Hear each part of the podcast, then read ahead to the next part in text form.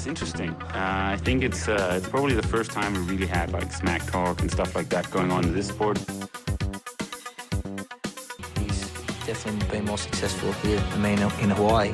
But I've beaten him up many times, and he knows that when all the people aren't around him patting him on the back and he looks at himself in the mirror at night when there's no one else, he knows I'm the real deal.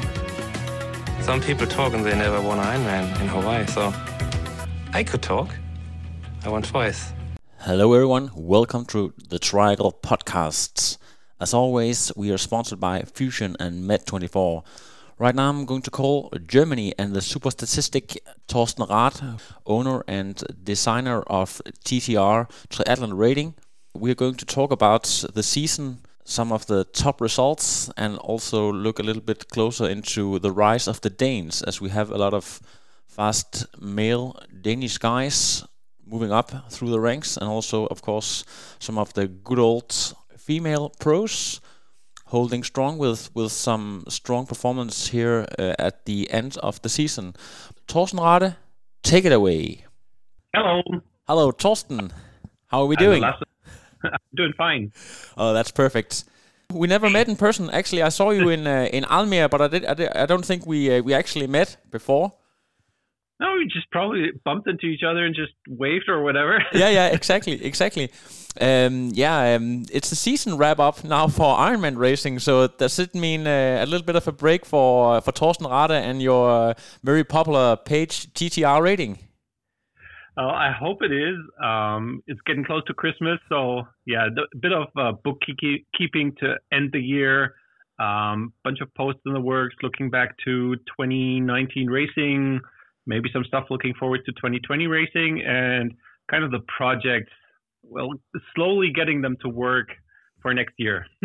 so as of now, are you actually having any official collaboration with either Ironman or or um, a challenge for the moment?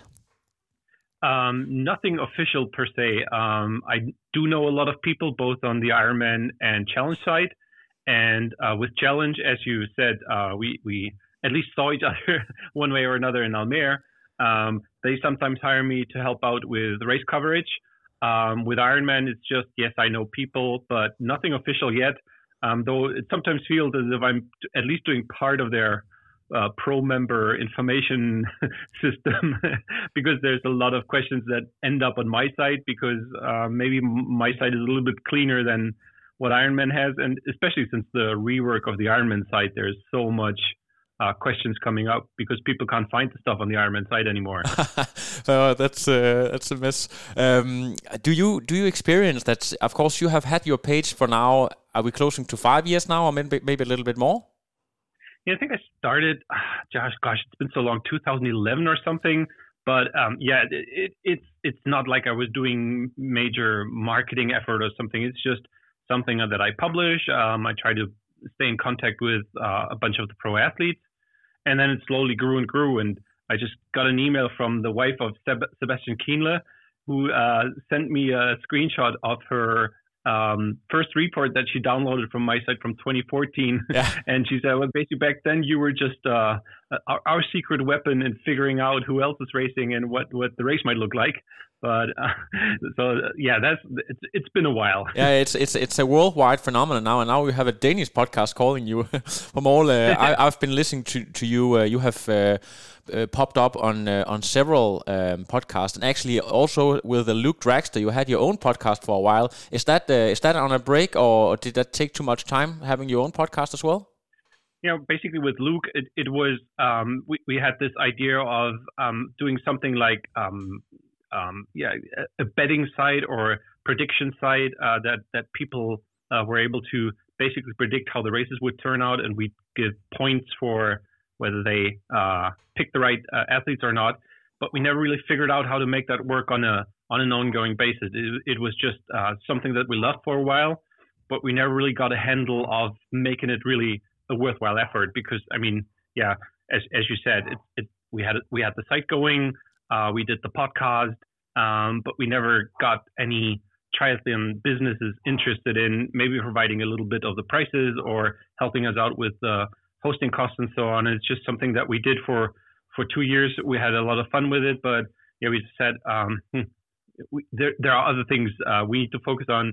Luke was becoming a father, um, doing his final races as a pro, and now he's he's got his own business going on on the triathlete side. So yeah, we're still friends, um, but unfortunately, no longer the, the podcast. Okay, great. Um, do you have uh, more and more pro athletes uh, reaching out to you uh, as the years has gone by? Um, is that is that a you know uh, daily emails or, or how busy are you? In fact.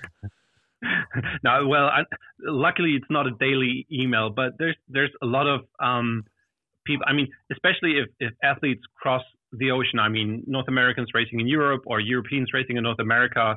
Uh, once the lists are available, basically, okay, who else is on on the list? Um, who do I need to be aware of? Um, what are my chances of um, placing well? Which races should I choose? Um, well, when, when the KPR was still going on, uh, all, all the points calculations there and the weirdnesses of the system. Um, so I do get a, a, fair amount of questions, but um, it's it's manageable. And yeah, once I, I, decided at some point that uh, email is nice and it's great to get to know these people via email, but to be actually be able to go out to a race venue and meet the people in person that that's even more fun. Yeah and and i i believe that you have a personal interest as well in some of the new uh, upcoming names. For instance i know that the the danish athlete Kristian Høgenhaug you you did a little bit of an article on him when he first uh, made it made it big in the sport and, and had uh, yeah yeah had his first win in, in in hamburg. And also previously you have you have brought uh, articles of of some of the german athletes that maybe not too many people knew of yeah, I mean, uh, it's always interesting. I, I, I, mean, everyone can probably write uh, a post about Frodeno or or Sebi Kienle or or um, Daniela Ryf or something, but um, I find it really interesting to talk to up and coming athletes and and see what what um, makes them tick and maybe help them a little bit gain gain a little bit of exposure. And Kristian was interesting because he was always on the on the verge of um, having a really good result.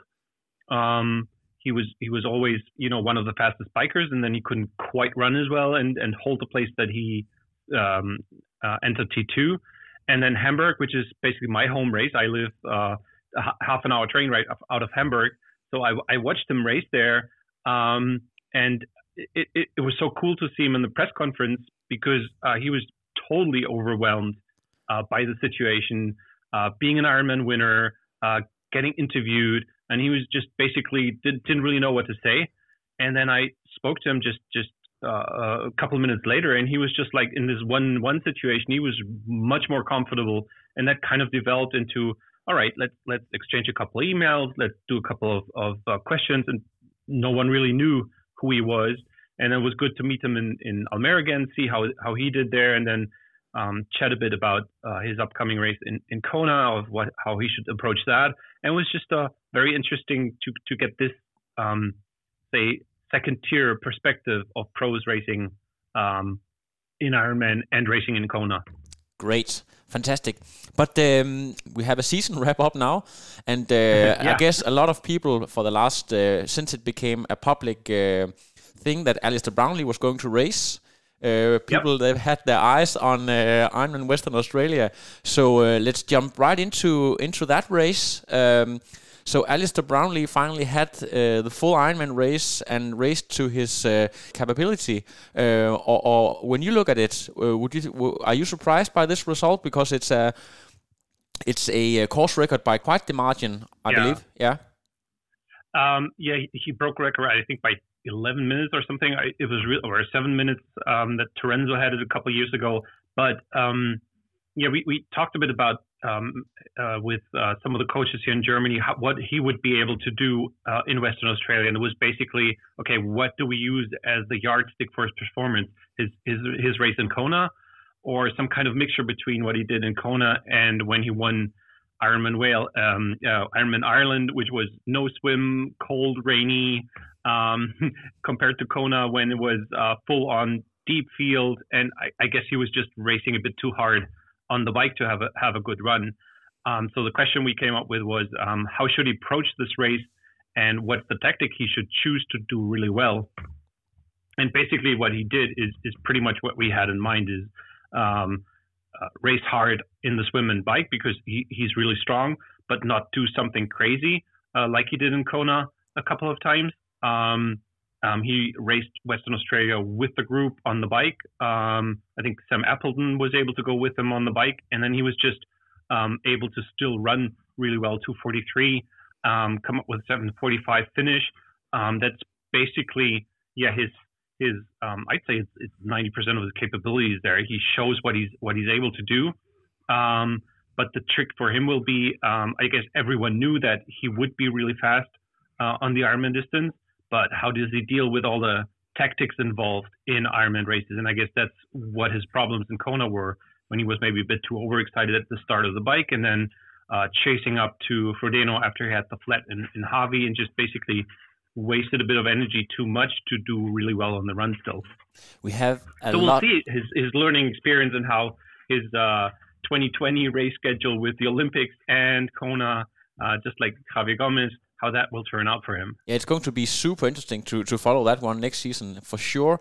Um, I, I, noticed, uh, of course, you you you probably uh, have a lot of, lot more knowledge to this one, but I, I believe we had a lot of uh, course records this year. I don't know compared to other years if we have more Ironman course records this year, but it seems like it's boom every weekend we have a course record. So this Alistair Brownlee results, would you say it's it's qualifying for, for one of the top results of the entire year? Yeah, well, what what, what I'm doing, maybe a little, little bit of background to to the statements I, I think I'm going to make in a bit is um, what I try to do is do some math and figuring out okay how much impact did a fast course or fast conditions have on a fast time and how much was really the the performance of the athlete and there's a bunch of situations that I struggle with that, um, especially you know in, in, these really weird conditions. You know, Cozumel last week with the with the fast fast swim that kind of screws with my system, and a similar one for Ironman Germany, which had a long bike and some some weird times there.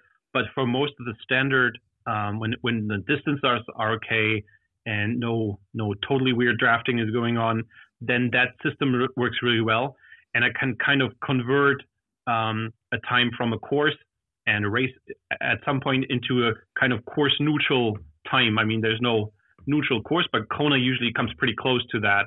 And um, based on that, uh, Brownlee had one of the fastest results of the season. I mean, the best ones that I have are um, just by the raw numbers is Frodeno in, in Germany and Kienle in Germany. Uh, a little bit of question mark. I guess I need to do a bit of more, uh, have a closer look at those because, uh, yeah, Germany was, was just weird this year uh, with the bike a little bit longer. And then Frodeno in Hawaii and then Brownlee. But there's a pretty big margin. I say maybe six to eight minutes between what what Jan did in in Kona and what Ellie's performance was like in Western Australia. But it was pretty close to what what Tim O'Donnell did in second place. So I'd say um, what what Ellie did in Western Australia this weekend would have been a performance that could have ended him on the podium in Kona.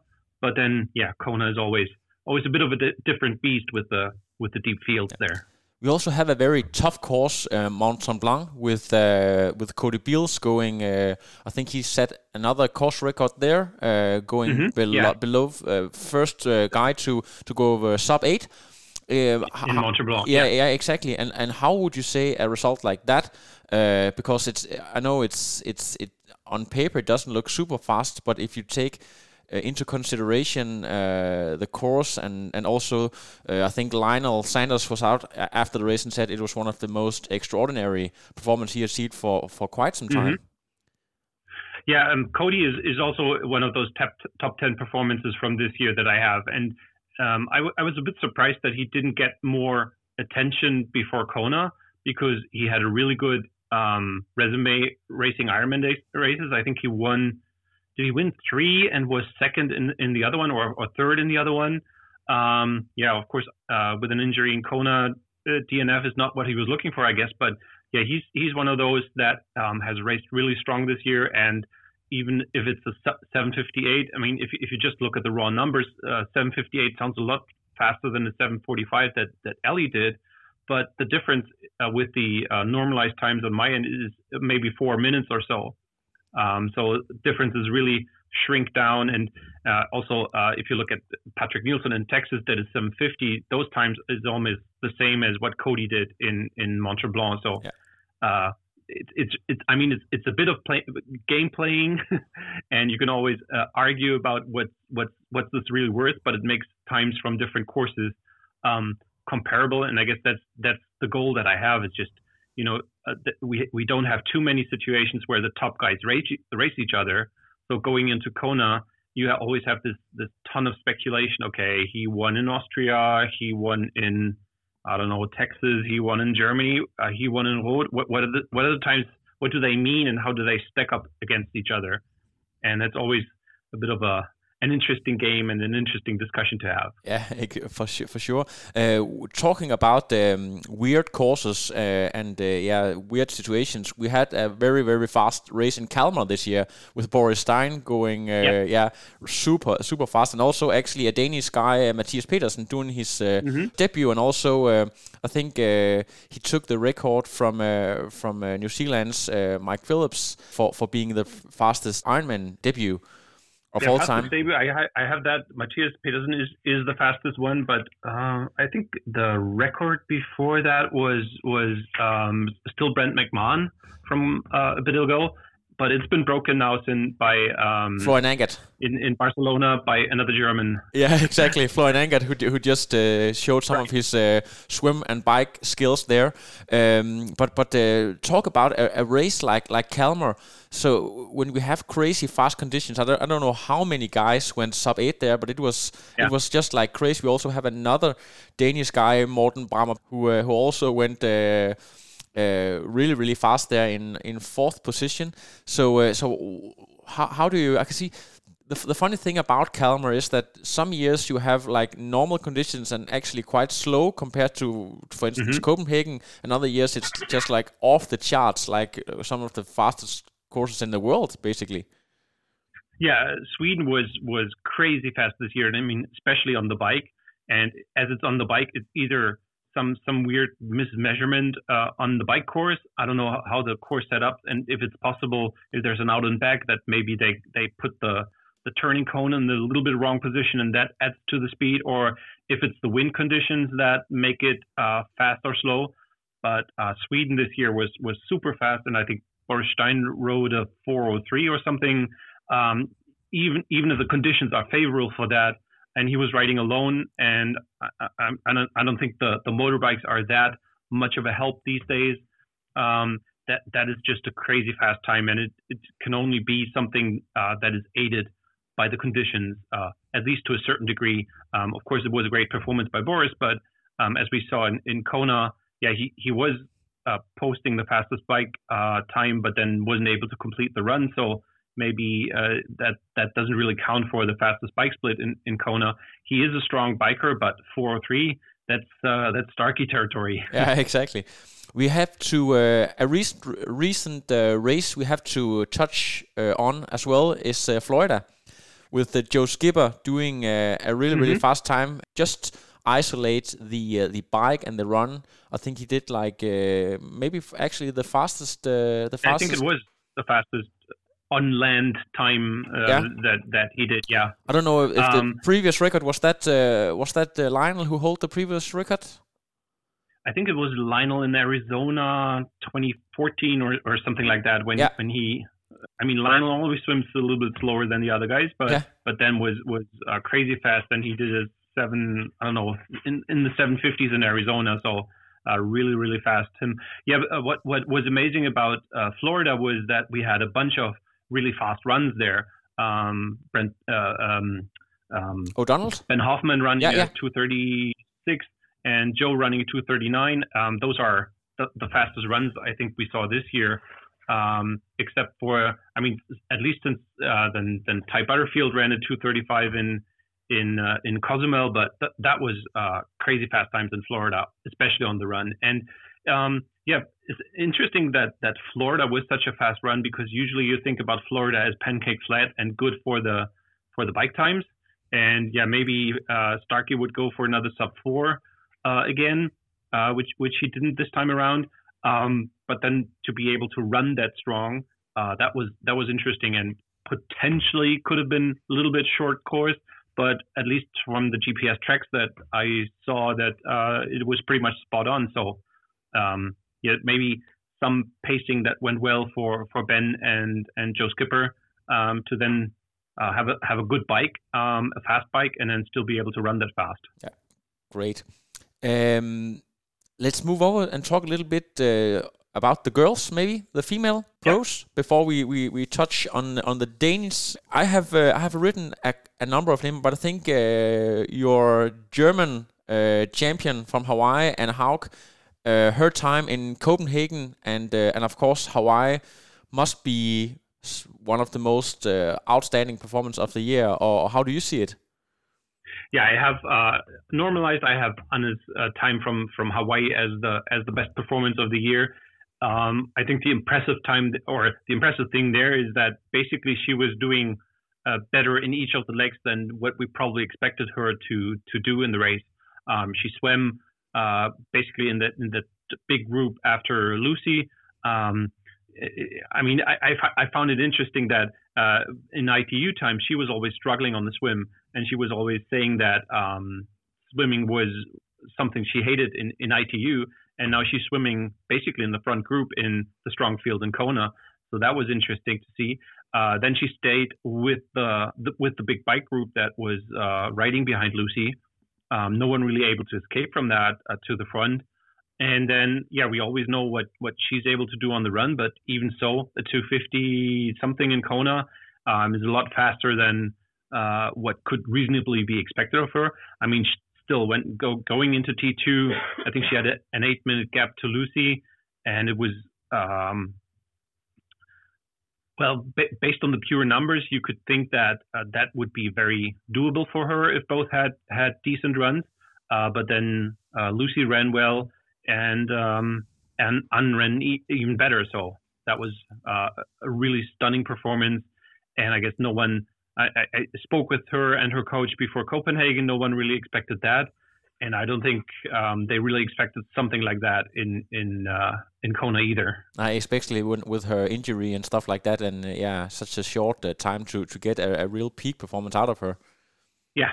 Um, yeah, I mean, just shows what what base she has, especially in her running legs and her run speed. That if she's at least healthy, um, she doesn't really need all that much um, add on uh, uh, training to to run well in an Ironman. I mean, it would be a totally different picture if she had to run an ITU race. I don't think she'd be able to to post a fast 10k, uh, but to run a marathon, it's more um, endurance and more um, stamina, and that can be built not by pure running, but but also by doing a lot of uh, bike training yeah. and uh, just years and years of, of doing the training. I think she was basically like 30 seconds off Mirinda Carfrae's run course record.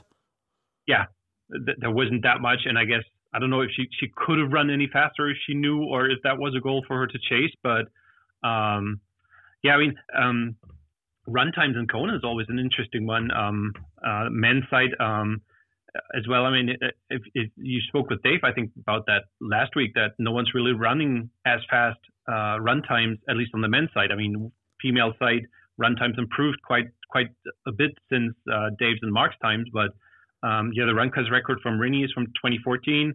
Uh, I think she had another uh, 250 run in Kona.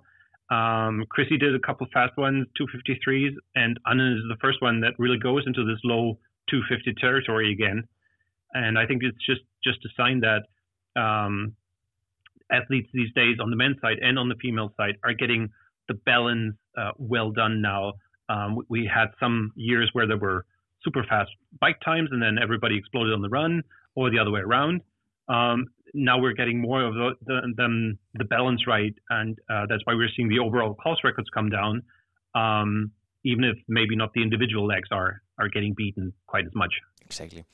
Another top result I have here on my paper. Uh, I don't know if you will agree with me. Lucy Charles in Roth, 8, yep. 831. And um, what I think is interesting is that if you compare it to uh, to the male winner, I think it's the time is is like really really fast. It's like only. Uh, uh, yeah, half an hour that separates the male winner. A little bit the, over half an hour, yeah. Yeah, so I, I, I think that that shows that it's a really one of one of the top results of the year. Or, or would you agree with me? Yeah, I think Lu- Lucy is my number two uh, as well with her uh, result. Um, the I guess the impressive result from from Roth uh, about her is that she wasn't really um, challenged at all uh, all day. I mean, uh, with Lucy, you always have the situation that she's uh, uh, half an hour ahead after the swim, um, and then basically has a has a strong uh, bike, and then needs to have a half decent run to, to finish as well to finish or to win the race. Um, to go that fast in Roth without being really challenged by anyone nipping at her heels, that shows that yes, she's she still has a bit of potential in Kona as well. Um, but yeah, second uh, place for her, and I have her a Kona result in is my third performance of the year. Um, really impressive to for Lucy, and I think it's just going to be a question of time when she's going to win Kona, because uh, the last couple of years she's always been beaten by someone who's had an exceptional day, and if if she's going to have this um, exceptional day, then it'll be very hard for the others to beat her unless they also have a really really special day. Yeah, um, another uh, quite remarkable result, Sara Svensk, Swedish athlete. Yep. I, I can't even remember if it was her debut, but uh, I think it was the first Ironman for her uh, in quite a while, at least.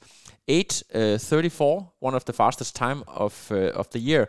But of course, everyone know that that Barcelona is um, yeah. is is a flat and fast course, and also uh, yeah, to be quite frank, had some drafting issues for many years. Mm -hmm. So so how how would you look at at a result like that uh, when you consider that it is uh, Barcelona standards? Yeah, I mean, what, what, what I can see from Barcelona is that there are a lot of athletes that are having a really, really good uh, time, a really, really fast result. So um, I, I, attribute that to the course. Um, of course, I can't really say if it's if it's a quick course and maybe had a um, bunch of uh, uh, you know uh, backwinds or whether there was a bunch of drafting going on. But um, we, I, you can tell from the field that there are a lot of athletes really, really going fast, and um, that's why I always have a bit of a question mark um, uh, uh, behind these these times in in um, in Barcelona. And I was very anxious about uh, Laura Philipp doing Kona this year. Uh, just having qualified with a with a good time in in Barcelona last year, and then basically not being able to do anything with an injury going into Kona, um, yeah, we'll see how how Sarah is able to translate that fast result from Barcelona this year into her next season, and how she's able to hold up when the um, let, us say when when the field is a bit different and you need to race a bit more tactical than maybe tuck in in a group, even if it's if you're riding legally. Great. There's a, there's a lot of. I also have here on paper uh, Susie Cheetham's result in in Hamburg, and um, and maybe also another interesting because we can't really have this discussion without uh, mentioning uh, Daniela Yeah. But she she chose to to ride in in uh, Klagenfurt this year. Normally a super super fast course, but uh, this year not the normal uh, fast condition we used to see. I think she did a um, a 852 852.20, yep. Yeah, 852.20. So, so ha- Daniela's result in Texas is her, her better performance probably oh. when she won in 8 837 and was really really pushed.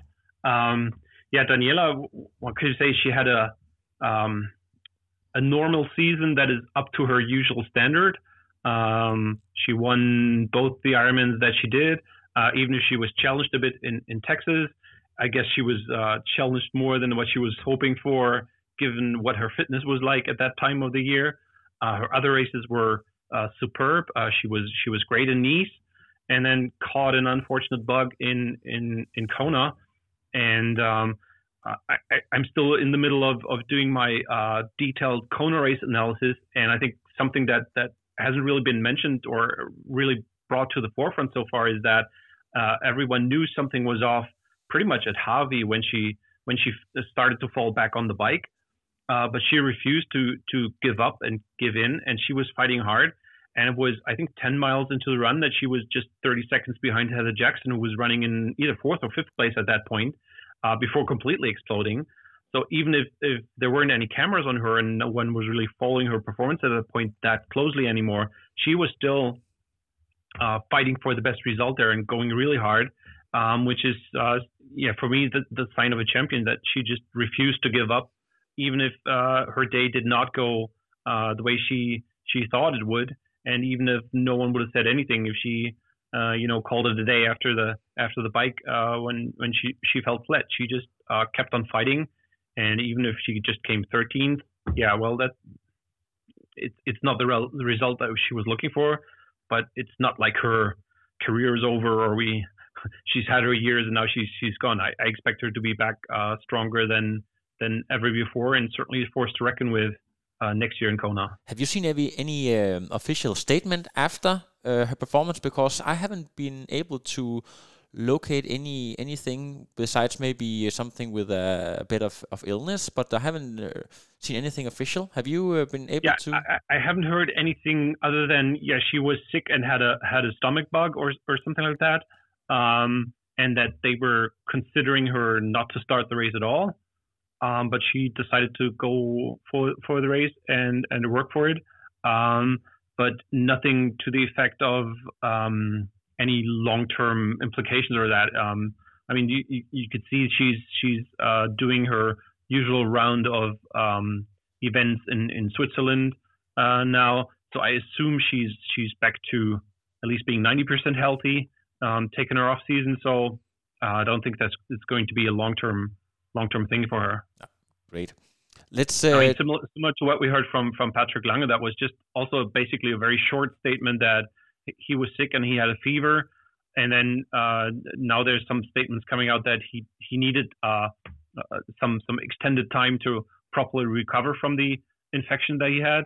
Um, we'll see how how he's going to perform next year. and a and a new coach also. If we if we uh, can can take this, uh, I don't know. If, do you know uh, do you know this new coach that was uh, presented last week? Yeah, Björn Björn Geesmann. Yeah. Um, kind of interesting stories by, behind him. Um, he, he's coming more or less from a cycling background. Um, he's got a lot of uh, testing, uh, aero testing, um, and also coaching. Uh, I think he's done a lot of stuff on the on the uh, courses uh, with aero positions for uh, Kenworth and a bunch of the the top um, um, cyclists. he's coaching Daniela Bleymehl, who is ninth in Kona this year, and Boris Stein, who who DNF'd for quite some time, and a couple of others. Um, so he's, he's got the experiences of uh, coaching on a high level. And uh, something that uh, wasn't really picked up is uh, when Patrick um, decided to end his race, uh, he was uh, comforted by someone. And that happened to be Bjorn, who was standing on the side of the street there totally by accident. Um, it's not they were working together at that point already. Um, and then, yeah, after Kona, when it was clear that Faris wouldn't be able to properly coach him much much longer, I guess the discussion with a number of the coaches started. And Björn is um, coming from a scientific background and certainly someone who could, you know, um, add a new dimension to what Patrick's been doing, and I guess that's what he's been looking for. And also, uh, Patrick has been training with Boris Stein for a number of years. I know they have been doing some camps yeah. in in uh, in Texas uh, in the woodlands Texas, before. Yeah. So so maybe they, they he know the setup there a little bit. Yeah, and I, I, I mean, you have um, basically a handful of coaches in, in Germany that are at that at that top level, and I'm sure uh, he spoke to uh, at, at, least half of them um, uh, before before figuring out wh- where to go, and and it just has to, you know, there are so many dimensions that have to fit. I mean. Uh, he probably talked to, to Philipp Seipp, who's who's coaching Sebi and and uh, Laura, his, his wife at this point too, uh, just just to exchange ideas, even if, if um, coaching or uh, ha- coming up with a formal relationship wouldn't wouldn't work at that at this point. But um, yeah, I guess everyone is on. At least they know each other and you know how to talk to. And even if you don't think this is going to be my coach, it's always worthwhile to at least get uh, get an exchange of ideas and see how how everyone ticks and what what might work and what what what wouldn't. And uh, yeah, fantastic. Maybe we should. I, uh, I, don't think you'll get a, get a coach from from totally left field. no, it's uh, it's pretty unheard of. Um, let's talk a little bit about uh, the Danes here. Uh, I have a, a, sheet here with uh, some uh, some guys uh, having a breakthrough season and uh, some of the more well-known ladies who also uh, mm-hmm. had some spectacular results. But let's let's start with the boys to be a little bit political incorrect here. Um, uh, Daniel Bækkegård. I don't know. Have you heard the name uh, Daniel Bækkegård before? He did his uh, spectacular uh, finish line scene in uh, in Klagenfurt. I heard his name before, uh, but I didn't really have him on the list of, of people to win in, in Austria. To be honest, um, it was a good performance, but 8:14 is not a particularly fast time for Austria. Uh, so certainly um, a bit of a reflection of, of who was racing there.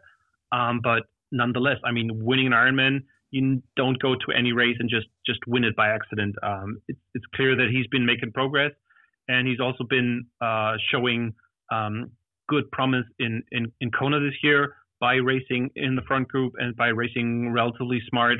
Um, where, did, where did he end up? Uh, 17th or uh, Daniel was 15th, 15th, 15th yeah, this yeah. year, best Dane, yeah, or best male Danish athlete yeah. at least. Yeah, yeah, exactly. uh, and actually, um, um, I don't know if you, if you heard this, but uh, on a uh, in a podcast, um, Sebi Kienle were asked who could be a potential future winner, where he actually mentions uh, Daniel Bækkegård as a as a as a guy because he's he's like only 23. He's by far yeah. the youngest.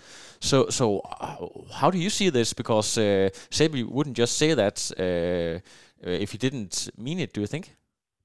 Yeah, I, and I mean he's young and he's he's shown he, the goods for, that that you need to do well in Kona. He was uh, in the mix after the swim, and things always get tricky if you're not in the mix uh, in, in, after the swim in Kona, as Sebi knows pretty well. Um, and he's still got to show. Uh, I mean, winning Austria, even if it was not the field of the years when when you had um, uh, Marino Vanhoenacker uh, winning in, in, in world record times there. Um, it's just not something that, that you can discard completely. He's young, um, but it's also clear that he needs to develop a bit further. Um, and it takes some time to de- to get to that level to do really well in Kona.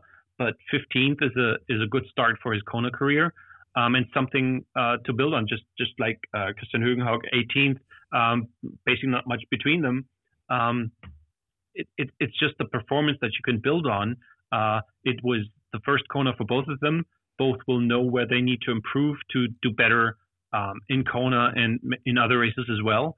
And um, the question will be: uh, Are they able to to continue on the path uh, after this first promising Kona there? Yeah. Um, it's it's not easy being let's say, let's call it a second tier pro um, because you can just uh, you just you know you have to work hard to qualify for Kona again, uh, especially in the in the current system where you have to more or less win an Ironman. Um, that's not just something that that just happens. Um, so it's it's it's tricky to plan the season accordingly because you need to have m- at least uh, two uh, A races on your calendar, uh, the race to qualify, and then Kona. And sometimes you run a bit out of the out of time to you know uh, put in the base work that you need to improve from year to year. And that's always the tricky part. There's there's a lot of people that had one or two promising Ironman results and then never heard from again. Um, and it's it's just uh, going to be a bit of a slog for them to uh, you know race at this level and then improve and improve a bit, uh, bit by bit. And it needs sponsors that are willing to go with them for the for the long run and give them a couple of years to develop, uh, just like we had for with uh, Patrik Nilsson, who's who's at this on the verge of becoming a really a, a podium contender for Kona. Yeah. Or to finish on the podium in Kona, let's put it that way. He's already a contender, but he hasn't had this uh, podium result in Kona quite yet. Exactly. Um, Kristian Høgenhaug, to talk about him a little bit, uh, uh, and Høgenhaug, as we say here in Denmark. Yeah, how, uh, how, how, would you say? I mean, that, that's something that I always struggle with. It's uh, uh, Danish pronunciations and getting that properly translated for the English speaking. Yeah, it's just, uh, I think in English I will say Høgenhaug, and in Danish Høgenhaug. Høgenhaug, yeah. Yeah. And um, you are you are actually there, not in not in Kona, but uh, in in Hamburg and Almere to watch him yeah. uh, on site racing in 8:11 in Hamburg and Almere, uh, whooping 7:53, uh, 52. Mm-hmm. So uh, so uh, Kristian's season here. Um, and and and if you, I don't know how exactly you you can use your your what do you call it system to to compare his performance with with some of the other top guys. But what what what would you say about the Kristian's season and uh, and uh, his performances? I think um, Kristian impressed me um, not because he was he was winning races or um, because of the times that he did, uh, but because of the way he um, he he uh, or he, because of the way he raced these these races.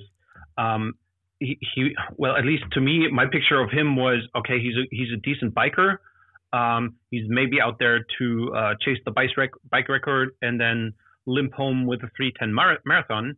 Um, but Hamburg showed that he can a uh, bike fast and take the lead on the bike, but then also uh, run well and post the fastest run split, even against these uh, re- really um, seasoned athletes, Ruedi Wild and and uh, uh, Andreas Raelert, that that he was able to win against on on the run. That I don't think anyone expected him, uh, even when when he was ha- uh, having the lead in T2 at that point.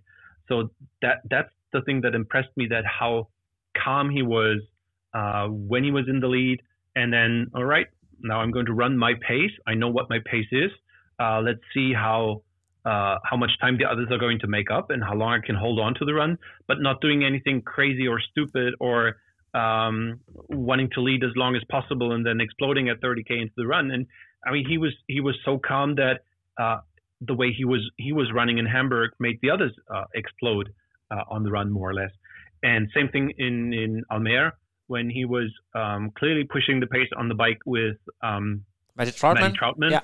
Uh, Matty also uh, finally having another good race again. Uh, he, he had a couple bad ones uh, in Hamburg, for example, but then also uh, Almere was was a really good result for him. Um, and yeah, just just the times that both of them posted. Um, Kristian run, running again really well and solid. And I guess to become 17th uh, in Kona, you also need to have a really uh, even uh, race across the board. So uh, that's more something where I think, okay, he's not just just a, you know, if you look at someone like in uh, Starykowicz, you know, he's he's always going to be really fast on the bike. Um, he's a good swimmer as well, so you see him in the lead, and a lot of people are expecting him to win races, but he just doesn't have the run. Whereas Kristian does have this this this even uh, package of okay, he's he's um, swimming well enough, but then he's biking strong to put himself in a good position even against the very top of the of the field that we have there. And then yeah, his run probably needs a bit more development to be a really um, top-notch athlete. But yeah, that's just just a question of time uh, if if he's able to build on that. And also we have to mention, and I think actually both Matty Trautman and Kristian was below the previous record, which I believe was yes. like 755 or something like that. Yeah, that was just set the year before, and it broke uh, like 25 year old course record uh, in Almere. So um, everyone, yeah, last year everyone was all worked up that uh, Jaroslav Kovacic was was breaking that old old record, and then uh, yeah, Kristian and Matty breaking that just one year after, and pretty convincingly too, in conditions that were good. Um, there wasn't that much wind in in Almere, but um, yeah, you just. I mean, just just the way that race developed too. Uh, they were part of a big bike group. Uh, I think of five athletes, and it was clear that they were the strongest ones and they broke the, the five man group completely apart in the last 30 or 40k on the bike and everyone else just just exploded and they went on to have have good runs as well so yeah that, that was something that i found really impressive about kristian. And i think something that um, he he's he's got you know just not just the legs and the arms to do well but also the the head uh, in the right space to do well in kona. And I don't know the other athletes quite as well as I, as I knew him, or uh, I, at least I haven't spoken to them to to that extent. But that's something that he's also pretty young still, and I think also someone that has a good potential to develop further for a good result in Kona. Yeah, exactly. As uh, Matthias Petersen uh, did uh, did uh, very fast in in Kalmar, but unfortunately had a DNF in. Um, in uh, Barcelona, which make it pretty difficult to to make a lot of statistics. You know, if it's just a, a fluke or if it was, uh, yeah, you don't really have anything to measure. Do you do you ever take if you have a, an athlete coming from uh, half Ironman distance? Um, can can you use that to to make a qualified uh, prediction, or, or would you just just leave it out if they haven't raced Ironman before? The full distance, I mean. I, I usually leave it out uh, when they do the first race, uh, if, unless there's someone like when Ali Brownlee did his first one, uh, or or Anne Haug was was moving up to to the longer distance. I mean, there is some um, range that you can come up with, um, but basically that just is is a confirmation of okay, you know he's a top notch athlete, or he or she he's a top notch athlete on the shorter distance. He's probably going to be able to do well in an Ironman as well and then just to you know what what might be possible uh, for him or her. Um, yeah, um, yeah, I can I can give you a range, but that's more or less like within a 15 or 20 minutes uh, what the equivalent would be, because Ironman racing is uh, different to a certain degree um, to 70.3 racing um, from from the physical demands and also from the technical demands too.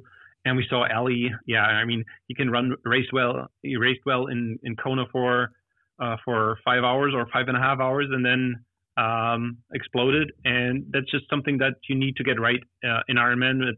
That's not going to be a problem in 70.3s, uh, but that's just something you need to work on in in Ironman to yeah. to do well. And uh, uh, furthermore, you saw Sam Appleton uh, did his Ironman debut at Western yeah. Australia as well, and also uh, did quite well for, for most of the race until I think on the uh, back half of the uh, marathon he pretty much exploded, and uh, I think he ended up in like sixth position. So you can see there's there's quite the difference coming from being one of the best 70.3 athletes and to actually race well on the Ironman distance. Yeah, and for example, Gustav Iden would be an interesting proposition if he decides to do well. He, he would need to validate in addition to uh, prepping for for Tokyo. I don't think it's going to happen, but what would he be able to do um, in in Kona if he decides to go uh, for an Ironman? That, that, I mean, yeah, if he decides to go for Kona, then he's probably just going to do a validation Ironman that also wouldn't give us much of an indication of where his true capabilities are. But the Norwegians with their uh, 200% scientific approach to to racing, that would be another interesting thing to see. Well, we'll see if, if that's going to happen this year. Let's uh, if, if we could touch a little bit more on that. Uh, I heard uh, a few rumors uh, or people maybe speculating in some of the Norwegians uh, doing a late season Ironman after the Olympics and just fly into um, to Kona and uh, and have have a go. What do you think about those uh, possibilities? Would that be? I don't think that's going it, that's going to work because um, I think Tokyo is uh, last week of July, and then basically he has two more weeks or two two or three more weekends where he can validate his slot for Kona. He needs to be done by August 23rd. That's the last race he could do, and I don't think that um, you can do Olympics uh, recover for a week and then do an Ironman at least in a, a in a way that doesn't impact you uh, being able to prep for Kona.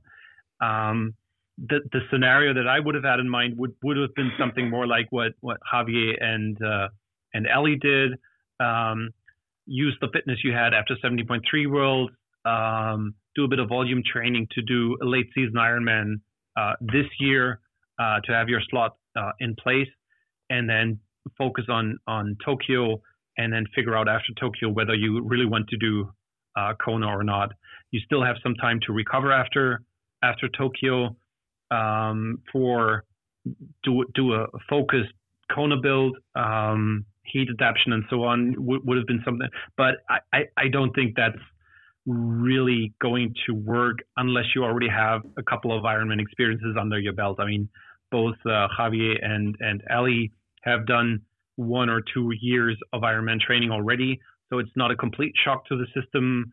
Um, whereas for Gustav, yeah, I don't know how, how much volume orientation they would have at this point. Okay, but uh, the idea is interesting nonetheless. So uh, we'll see what, what happens. Let's let's talk a little bit about the Danish girls. Um, I have uh, written here uh, Camilla Pedersen's uh, Ironman in Copenhagen. She uh, she actually and unfortunately a DNF in Kona, but she she qualified um, in um, in Wales, I believe, uh, yes. last season. So she uh, did a season of very little or very limited racing. Uh, I think she raced in Cannes and maybe had a 70.3 race, but uh, went to Copenhagen head to head against Anne Haug and um, mm-hmm. actually smashed her. Uh, previous personal bests with a 8 uh, 49 23 mm-hmm. so so what do you take from uh, Camilla's perform- performance here yeah, Camilla was was impressive in in uh, in Copenhagen, and it's a bit of a shame that her fast time got overshadowed by Anne's even even faster performance because she was um, also uh, good all around. I mean, we always know that uh, is strong in the swim and bike, and she struggles uh, a bit on the run, but that was just a good all around performance by her. Um, I don't know if, if 849. I'm just looking for it. Is is, is that the fastest? It's pretty much a, a Danish record if you don't count Michelle Vesterby's uh, Texas time from 2018 when all the exactly um, uh, course, uh, what was the political term for it? Uh, course uh, density issues were uh, going on there. Exactly. Um, so, so Camilla was was impressive, and I'm not sure what what her goals are for uh, this season or or the next season. If she's going to try again to qualify for Kona, um, she's always been a bit of a struggling with run I- issues that kept her from running well.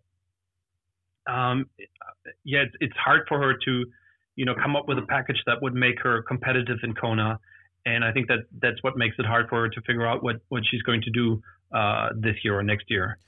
How do you see a race like um, the uh, the Utah, the St. George course, course which, which is uh, coming up as a, it, it, makes a revival because it was on the circuit for quite some years.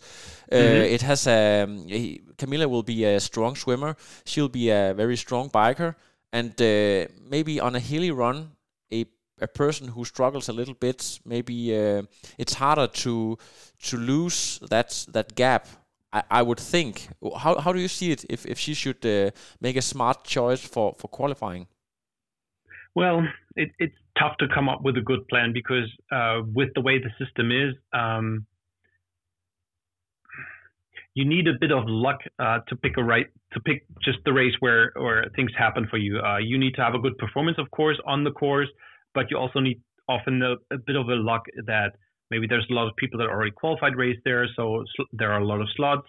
Uh, slots roll down quite a bit. Um, yeah, usually uh, I'd say um, if if uh, things work out, uh, look for the regional championships because they have at least two slots for the males and females, and maybe uh, some more of those those uh, unassigned slots that that go there. Usually that works out that the men get four slots and the females only get two. Um, so for the males, it's, it's, quite attractive to pick a regional championship. For the females, maybe um, looking at those races that are female only races that have two slots is is another plan. Um, it's it's really hard to um, say how a course is going to suit an athlete or not, or at least it's hard for me to gather that from the data. Um, it might be something that maybe um, climate wise, uh, this person is doing well in races that have a lot of heat, uh, but it's hard to um, come up with something that, that really makes someone perform well in Lanzarote with, with heat and wind and, and a lot of climbing, or as we expect, St. George going to be also uh, in, in altitude. So uh, that, that could also be something that's really interesting uh, this year. But St. George is back as a regional championship, replaces Texas as the regional championship for North America. Um, two slots men, two slots females, two unassigned slots, uh, lots of prize money. Um, but I would guess that uh, there are also going to be a lot of North American athletes that pick this race as their um, highlight uh, for at least the first half of the season with the hopes of, of getting a Kona slot. So usually Texas always had really strong fields, uh, both on the men and female sides. So it's not not going to be easy to qualify there. Um, for Camilla, yeah, it could be an interesting choice to uh, go at a, at a course that's really hard and that hopefully suits her her uh, bike strength there. Um, I mean, she's not a super fast biker uh, in in on those flat courses because I guess you can't just keep your position for for that long. But the hills in in St George should, should make it really interesting for her maybe it's a good choice. Yeah, tough tough to tell. Um, the interesting thing with her is, um, with her being part of the the Sutton group, is that it always seems to be a, like a last minute decision who's going to race where and if someone's actually going to show up at a race or not. Yeah. So that's usually what what you get from those Sutton people. They're in camp, and then Sutton looks at them on Wednesday and says, "Boom, you're racing an Ironman on Sunday." Uh, go book your flights and and go. um, that won't quite work for for St. George, uh, but uh, yeah. So I don't think we'll have a long term plan by Camilla where she'll she'll be racing next year. Yeah, interesting to to see uh, what she does. Um, let's take a look at at Maja uh, Stage Nielsen. Uh, she raced uh, quite a lot here in in the later part of the season with mm. Ironman Copenhagen 902, Kona 11th in 910, and uh, then mm-hmm. uh, Cozumel with uh, 852. And um, uh, my take, my personal take on this is that she's actually going from from quite average to better and better. So I would I would maybe even say that her Cozumel performance is maybe even slightly better than her Kona performance, or at least up there at the same range.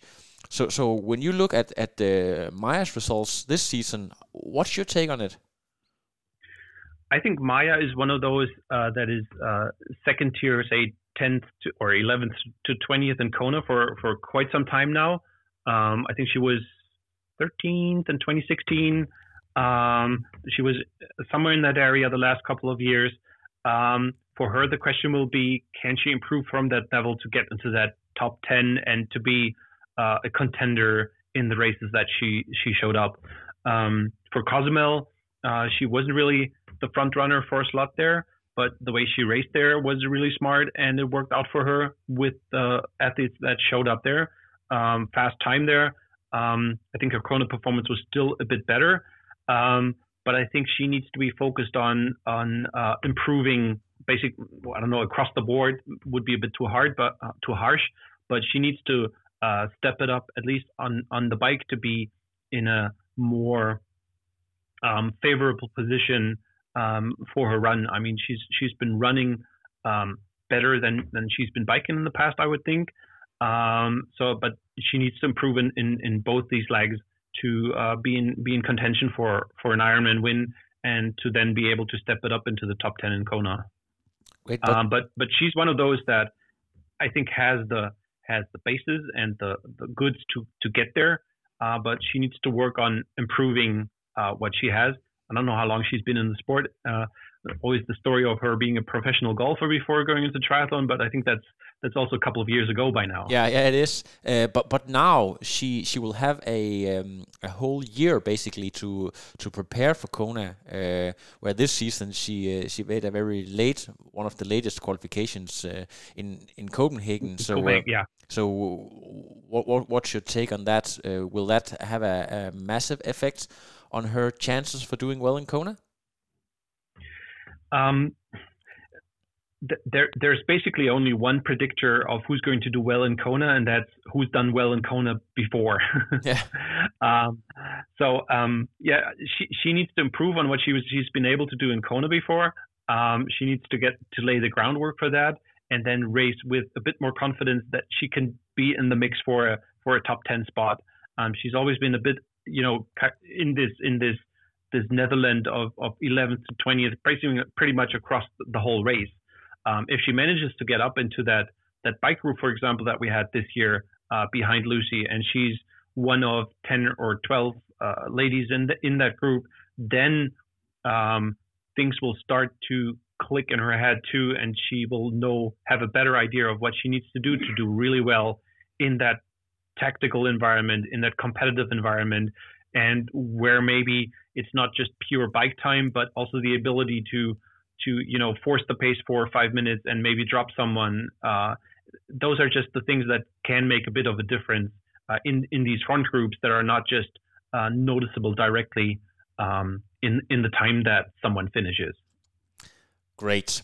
Uh, the last person here on my my paper is, uh, of course, Michelle Vesterby, who uh, has uh, thrown herself into quite some racing here after giving birth earlier this year. Uh, Copenhagen, a, a, fifth place with a 909. Uh, Ironman Italy fourth in 904 and then uh, finished off with uh, Cozumel and uh, uh, Kona qualification yeah. in 8:56. So uh, um, we have seen um, female athletes coming from uh, yeah giving birth uh, and and coming back very strongly before.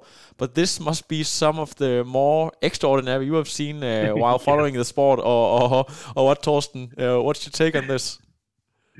Yeah, I mean, when when she lined up in in in Copenhagen, I was almost like, does she really want to go to Kona this year too? Just I don't know how how many weeks after giving birth to her to her son. Um, yeah, it was impressive to see what what training she was still able to do while being pregnant and how quickly she was able to come back after giving birth. Um, I don't think that's that's something for everyone, but um, yes, she seems to uh, have a good grasp on on what her body can handle and what is what is workable for her. So uh, kudos to her for for doing that. Um, I think she she went to Italy maybe also with the goal of, of getting a Kona slot there. That didn't quite work, and then made it in Cozumel. Um, similar story to to uh, to what uh, Maya has. Uh, she's got a, a, full year to work on the basics and to get uh, what she needs to do to well in Kona. Um, but with her, again, the story is okay. What what is she really looking for uh, from Kona? Maya is still uh, a younger athlete and has a couple of Kona years in front of her uh, that she can really take a step by step approach. Michelle has already been. I don't know what her best result in Kona was, but I think she was fourth. fourth. Yeah, exactly. Fourth, a couple years ago. Um, there's not much that that I think she she'll still be able to to top that and maybe get a podium. Of course, she'll be hoping for that in the right conditions, but that'll be a really tough thing for her to achieve. Um, so maybe she's she's uh, looking around uh, at at races she wants to do uh, while still being in Kona and racing in Kona and representing her sponsors and uh, getting a good result there. Um, it'll be interesting to see how much she she is still able to to improve on on what she's shown these last three, well, two races, let's say. Uh, I don't really count Copenhagen, even though it was a 909. It was just uh, a cruise around the course for her, I guess. yeah, great. I think we uh, actually managed to uh, to get. Um, wrapped of, of the season and uh, and the Danish athletes. So here, my final question is: if if you have any uh, athletes, maybe some German athletes or younger athletes on your radar who uh, we might uh, we might see uh, bloom in uh, in 2020? Hmm. Well, uh, Florian Angert was was great in in Barcelona. that was his first Ironman, taking the title of fastest Ironman debut from from um, Matthias Petersen. Matthias Petersen, yeah. yeah. So we'll see what what he's able to do. Um, another one that I think did well uh, this year was Franz Löschke, who was was injured in uh, in, in or was sick in Kona and wasn't able to start. Um, he was also doing really well over the summer. Um, yeah, interesting to see where, where they are are going. Um, I don't think Laura Philipp, even if she was fourth, is, has gotten quite the exposure that I expect her to get in the next couple of years. Um, I spoke with her coach after the race, and he was basically uh, he was happy that she was able to run well, uh, but um, co- kind of disappointed with her swim. Um, that would have put her in a much better position on the bike to be a bit more aggressive on the, or to make an impact on the bike rather than catching up to the front group. That could be interesting.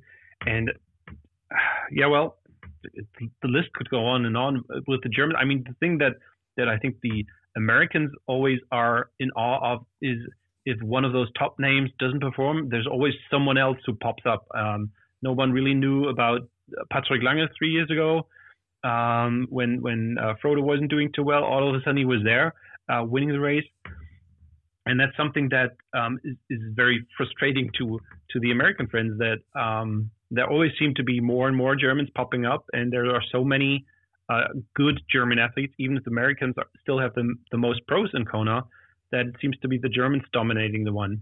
Um, and I think don't th- I don't see any uh, American athletes that that would be able to challenge at least the German men. Story is a bit different on, on the female side, but um, th- that's something completely weird. And even a small nation like like Denmark seems to be almost having um, a deeper potential um, coming up for for these long races than than the Americans.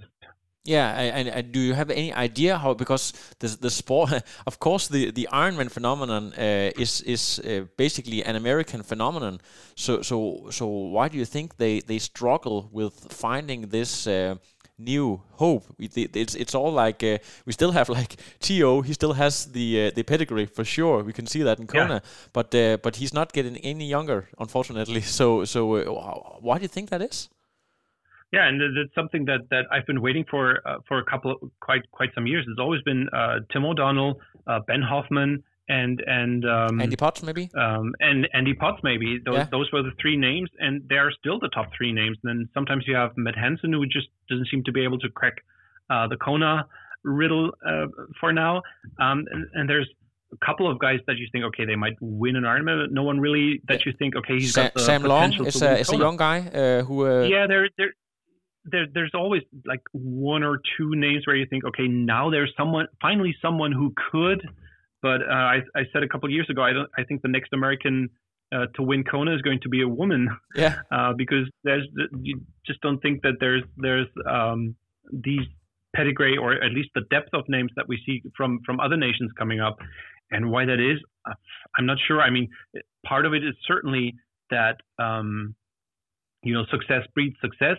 If you have these these three big names of uh, Sebastian Kienle, of uh, Jan Frodeno, of Patrick Lange, and now on the female side, uh, Anne Haug and and others who have been doing really well in Kona. Of course, that kind of inspires the the up and comers to do well and to also make it uh, you know like a viable career ch- choice for for athletes um, to to do Ironman or to do triathlon per se, and then also Ironman. Um, and and it's just something that I don't know for for the Americans, um, the market seems to be more geared to these uh, ones and dones. Uh, just just finish one, get the tattoo, and then get out of the sport again. Yeah. Um, and I don't think we we quite have that uh, mentality uh, in in Germany, and I don't think in Denmark either. Uh, there's more like uh, the the triathlon as a as a healthy lifestyle, the, the enjoyment of doing races and of of working years and years to getting better and better and better, and then so- suddenly being at the at the forefront of, of those races. Um, yeah, but it's if I had the solution, I'm I'm sure the Americans would pay me a lot of money to develop the their program for them. It's uh, Weber and the Protestant work ethics that uh, that finally uh, make a, a, difference for us uh, being born in, in the northern part of, of Europe. I'm sure. No, I don't, I don't, know. It's just a wild guess.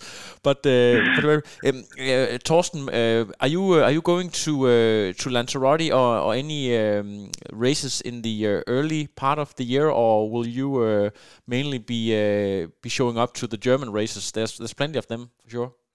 Yeah, there's uh, well the the I have got four races pretty much fixed on my calendar. One is uh, Samorin, uh, the the Challenge Championship, uh, which I helped uh, the last years uh, basically from home, sending text updates, and I hope that it's going to work out that I'm actually going to be able to travel there and help with the coverage. And then there's three German races, three weeks after another. Hamburg, which I can do from home uh, Frankfurt, where I have an aunt that uh, is happy to see me there, and then Roth uh, will be the the final one. Those are the, the four races that I plan. Then hopefully later in the year Almere again because that was a lot of fun.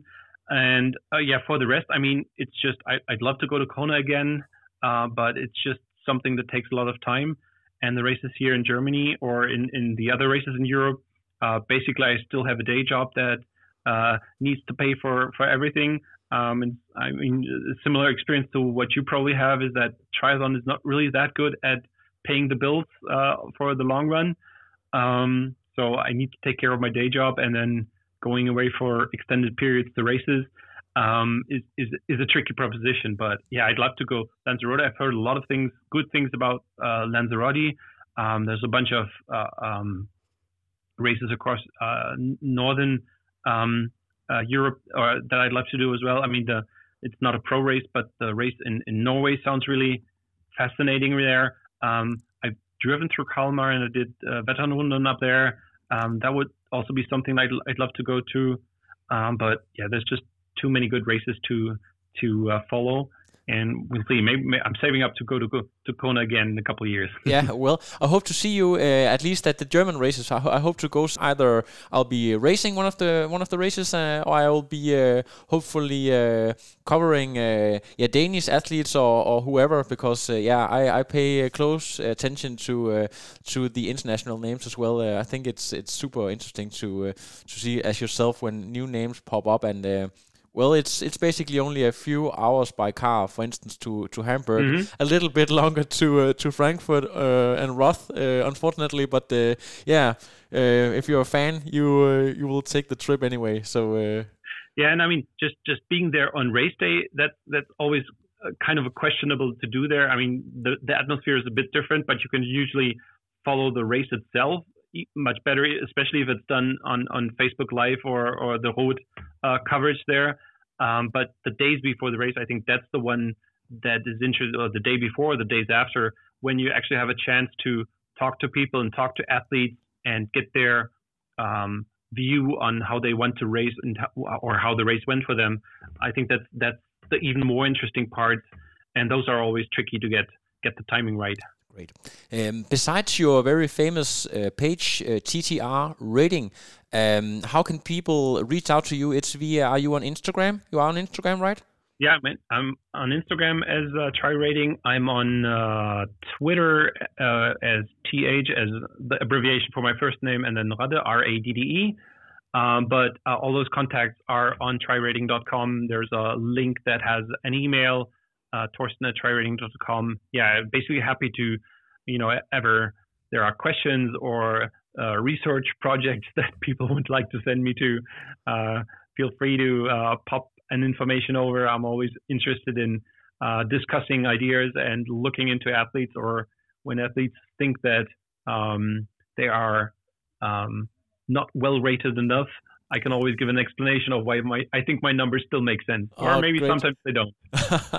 Fantastic! Uh, people are not always happy to to uh, stare right into the truth with their positions and everything, but uh, yeah, yeah, they uh, they will manage anyway. Of course, it's understandable if you have an athlete and you've done your training block, you don't think about the races that you walked. You're the marathon, you think about the races that you ran well, and you think you're going to do that in the next one too. So exactly. completely understandable. Exactly, Thorsten. Thank you so much for taking your your Sunday evening to uh, to speak with me, and uh, I will go to edit uh, straight away, and this podcast will be out Monday morning. So All right. I think we did great content and managed to get around quite some some things here. So thank you so much, Thorsten. Well, see you in Hamburg. Yeah, see you in Hamburg, Thorsten. Have a great evening and uh, yeah, say hello to everyone there in Germany. Bye bye. Bye. No, I am done. Another. But now it's, I'm done. I have no power.